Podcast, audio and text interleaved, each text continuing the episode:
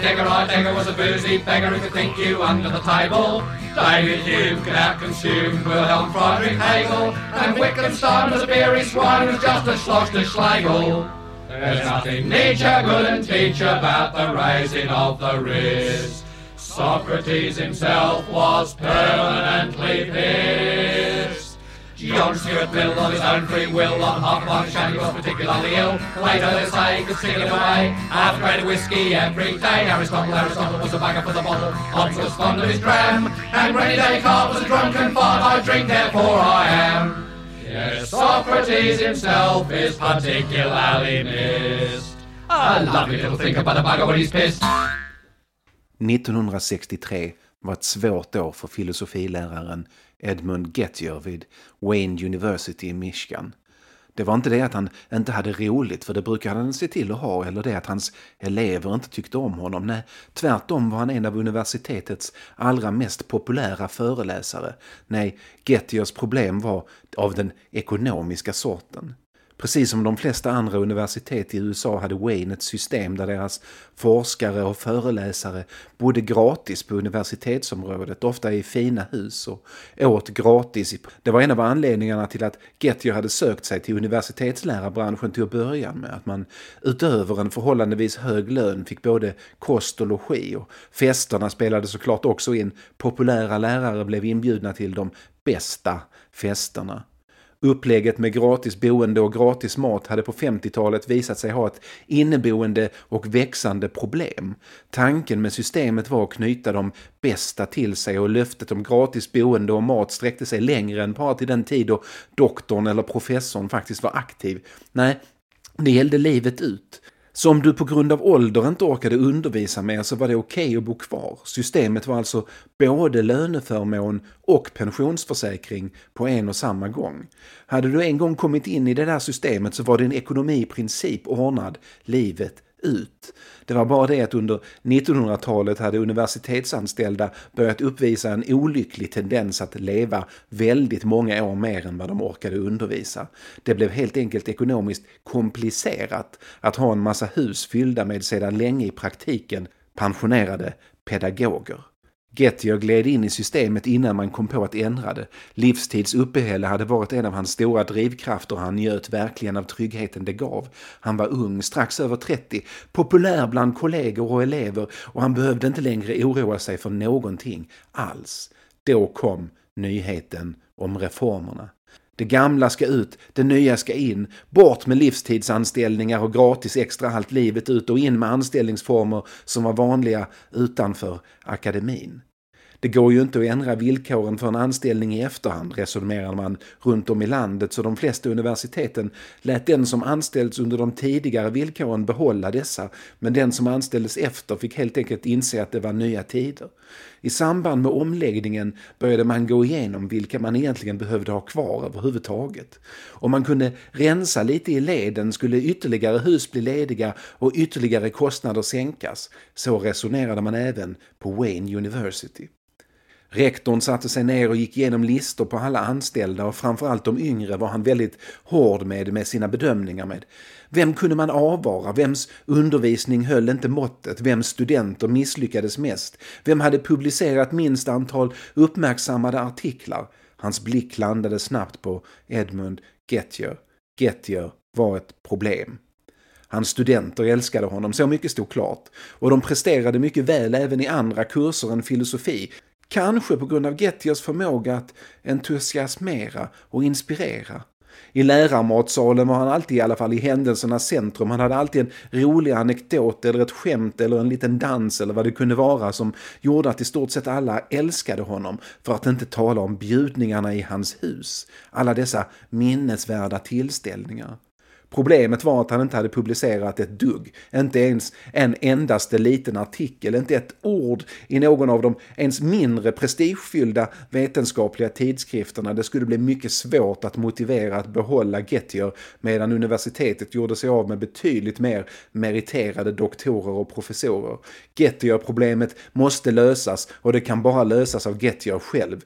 Gettier får från högsta ort reda på att han måste få i alla fall en artikel publicerad för att få kunna arbeta kvar, i alla fall under de villkor han hade börjat arbeta.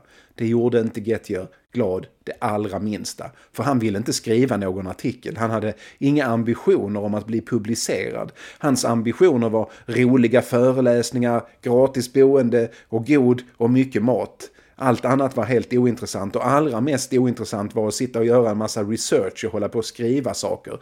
Att jobba. Han hade inte blivit universitetslärare för att behöva jobba. Hade han velat jobba hade han blivit revisor som alla andra i släkten. Redan 1962 när beskedet om systemomläggningen kom började Gettiers vänner oroa sig. De älskade honom som kollega, de, hade, de skrattade aldrig så mycket tillsammans med någon annan som vad de gjorde med Gettier och han hade en förmåga att lyfta allas självförtroenden. Men de visste också att Gettier var väldigt, väldigt lat. De hyste stora tvivel på att Gettier skulle lyckas skriva en publiceringsbar artikel innan deadline löpte ut 1963.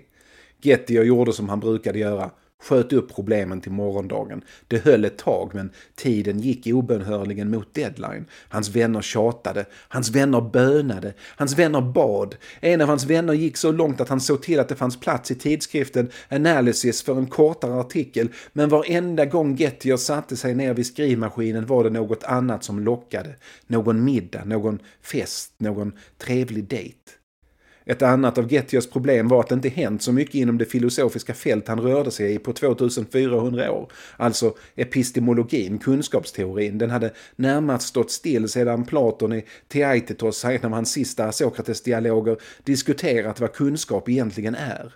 I hela Platons liv hade han drivit tesen att det viktigaste en människa kan göra är att söka kunskap, helst om det goda, och att alla andra strävanden egentligen är meningslösa.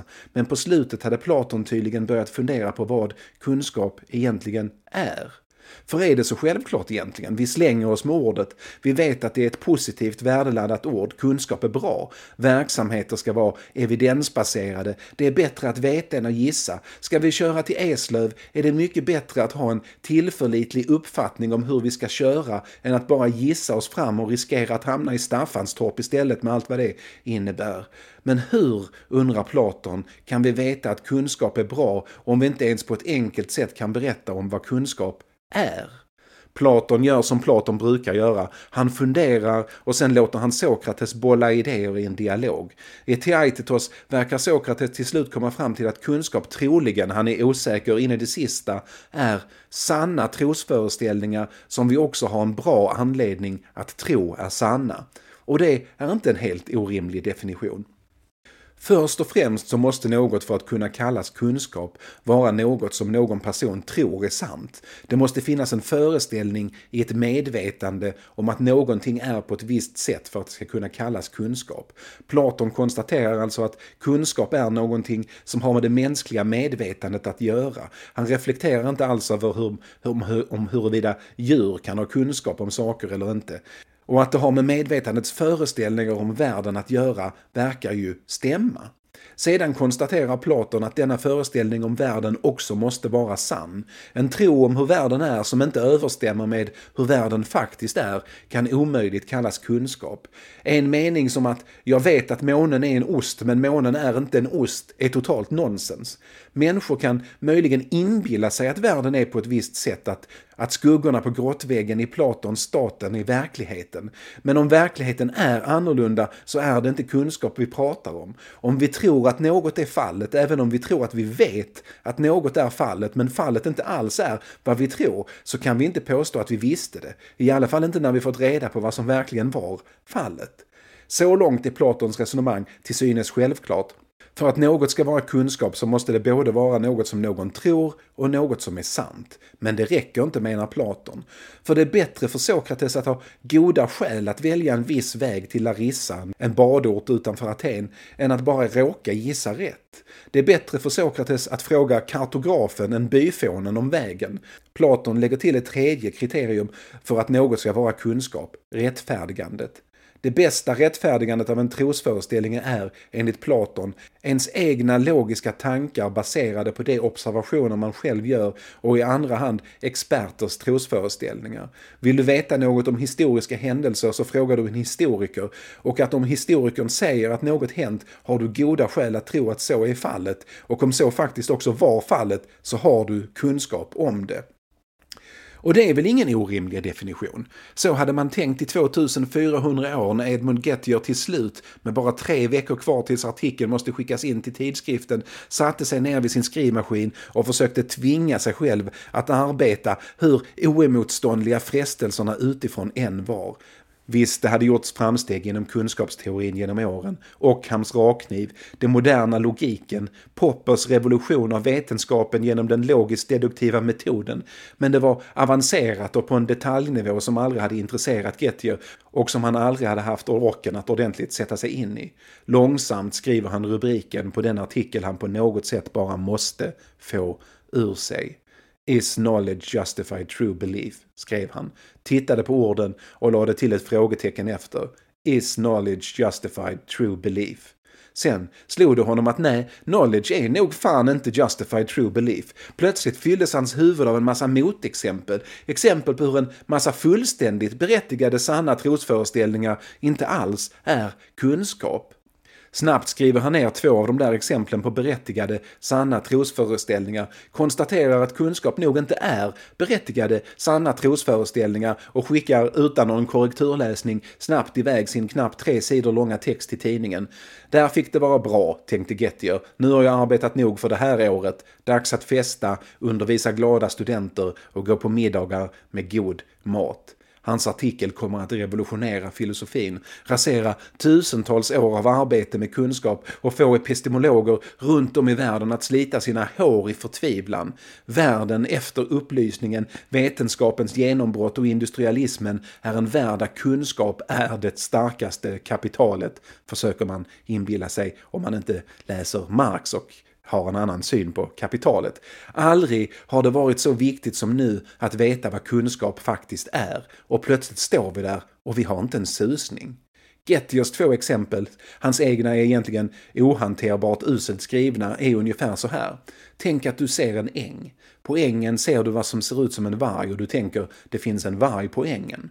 Du har en trosföreställning att det finns en varg på ängen. Du har goda skäl. Du är berättigad att ha en trosföreställning om att det finns en varg på ängen. Och det finns mycket riktigt en varg på ängen. Så enligt den traditionella synen på kunskap kan man säga att du vet att det finns en varg på ängen. Det är bara det att det du såg var en stor hund som var utklädd till en varg. Den riktiga vargen hade gömt sig bakom en sten. Inte kan man säga att du verkligen visste att det fanns en varg på ängen då. Knappast va? Det andra exemplet är mer komplicerat, rent av dumt och bygger på ordet eller inom logiken att det är inkluderande. Meningen Bosse är en fotbollsspelare eller så existerar femsträngade elektriska basgitarrer är sann om Bosse är en fotbollsspelare, om det existerar femsträngade elektriska basgitarrer eller om båda påståenden är sanna, men också om bara ett av påståendena oavsett vilket är sant. Meningen är alltså formellt sann även om Bosse spelar handboll och inte fotboll. Getty konstruerar en scen i stil med att du ser hur Smith går in på chefens kontor och du har därför goda skäl att tro att Smith är på chefens kontor. Så då tänker du, för att du är helt fullständigt vansinnig och tänker konstiga saker, att Smith är på chefens kontor eller Brown är i Barcelona. Du har ingen aning om var Brown är, men det spelar ingen roll eftersom meningen är sann så länge Smith är på chefens kontor. Det är bara det att utan att du vetat om det så har mannen som tills nyligen varit chef fått sparken och är inte alls chefen längre. Så det kontor Smith gick in i är inte längre chefens kontor. Men av en ren slump råkar Brown befinna sig i Barcelona, så det du, din konstiga jävel, tänkte om att Smith är på chefens kontor eller Brown är i Barcelona är formellt sant. Men kan man kalla det kunskap trots att du hade goda skäl att tro att den var sann? Knappast. Den första instinkten var för många filosofer att avfärda Gettiers exempel med att lägga till ett fjärde krav att kunskapen inte är kunskap om den uppstår genom ren tur men det visade sig snabbt att det både praktiskt och hypotetiskt fanns flera exempel på hur kunskap uppstår just på grund av ren tur. Penicillinet är ett vanligt exempel men det går att konstruera andra motexempel. Före Gettier var det självklart vad kunskap är och efter Gettier gungar marken under filosofernas och forskarnas fötter och det gungar rejält. Gettier lyckas också genom sin korta artikel väcka en annan sovande kunskapsteoretisk björn, den om kunskapens värde. Att kunskap är något gott och värdefullt har förutsatts ända sedan Platon men nu har när han ända kastats över ända så varför inte titta lite närmare på Platons grundpremiss, den att kunskap är bra. För varför är egentligen det bättre för Sokrates att veta vägen till Larissa istället för att bara råka gå rätt väg efter att ha frågat byfånen? Han kommer ju till Larissa alldeles oavsett varför han valde den väg han valde. Värdet av berättigandet av trosföreställningen tycks drunkna i värdet av sanningen. Det kallas swamping på filosofispråk. Och det är ju onekligen så att det inte spelar någon roll för dig varför du väljer att plocka champinjonen istället för den lömska flugsvampen så länge du gör det. Även här går epistemologerna till sin stora förtvivlan fortfarande bet för problemet tycks inte finnas någon tillfredsställande lösning på. Kunskap har aldrig varit viktigare än nu och alla vet att kunskap är värdefullt. Rent språkligt så är kunskap ett värdeord. I själva ordets betydelse ligger att det är gynnsamt. Att säga att man vet att något är på ett visst sätt är att sätta liksom en kvalitetsgaranti på det. Men sedan Gettier har vi faktiskt väldigt liten aning om vad vi egentligen pratar om kunskapssamhälle, evidensbaserade organisationer, visshet istället för sannolikhet, men ingen har lyckats presentera en definition på vad kunskap är som uppfyller både kravet att det ska vara Gettier-säkrat och samtidigt visa varför kunskap är mer värdefullt än andra sanna trosföreställningar. Vad är kunskap? Vi har ingen aning, men bra är det. Gettier han får sin artikel publicerad nästan precis innan deadlinen, men spridningen blev snabbt så stor att det inte var några problem att motivera och behålla honom med de frikostiga villkoren för anställningen på Waynes universitet han hade. En forskares stjärnstatus bestäms inte enbart av hur många artiklar forskaren publicerar eller i hur prestigefyllda tidskrifter de publiceras i, utan också, kanske nästan mest av, hur ofta de citeras av andra forskare och inom den moderna filosofin finns det få artiklar som citeras lika ofta som “Is justified true belief knowledge?” Det blev inte fler artiklar från Edmund Gettier, han nöjde sig där och levde ett behagligt liv med mycket rolig undervisning, många fester och mycket god mat tills han dog ganska nyligen, nästan 100 år gammal. En av filosofihistoriens få verkliga one-hit wonders, men den här hitten är en alla filosofer någon gång går och nynnar på, en som alla som sysslat med kunskap någon gång går och nynnar på. För när man väl hört den har man den i huvudet tills man dör. Den är filosofins motsvarighet till Gangnam Style.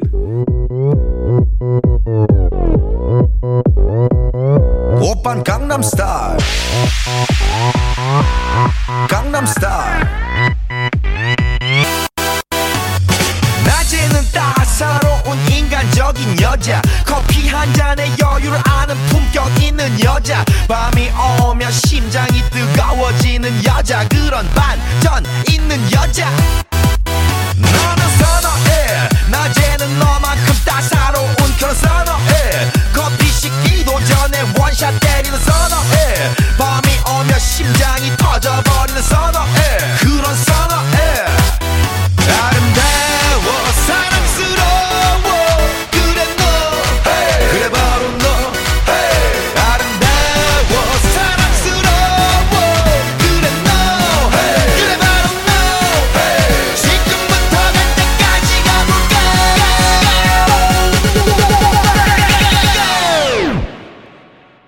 오빤 강남스타일 강남스타일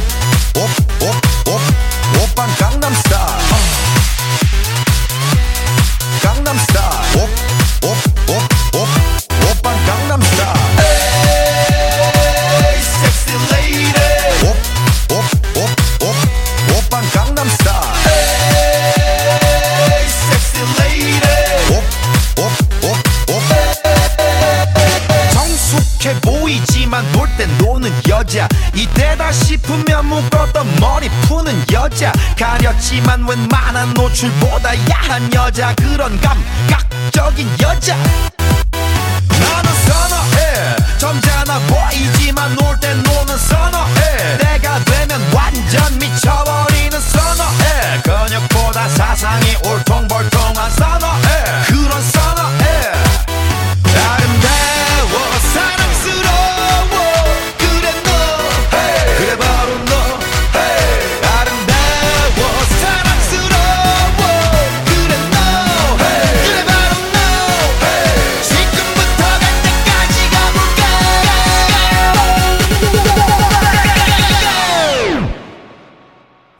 Gangnam Style.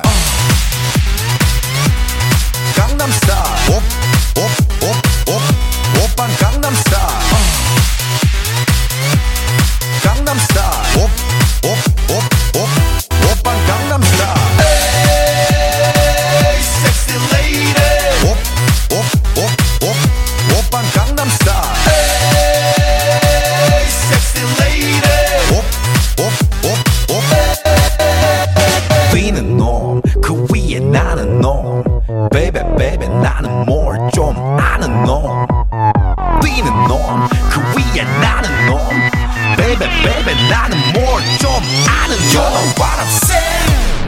Gangnam Style.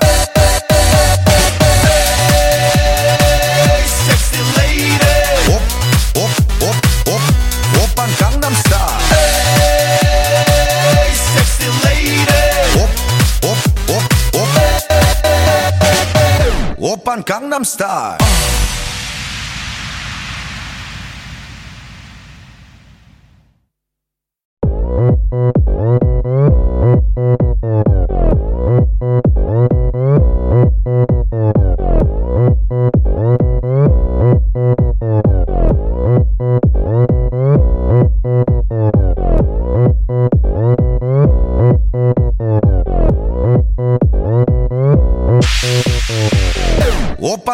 star.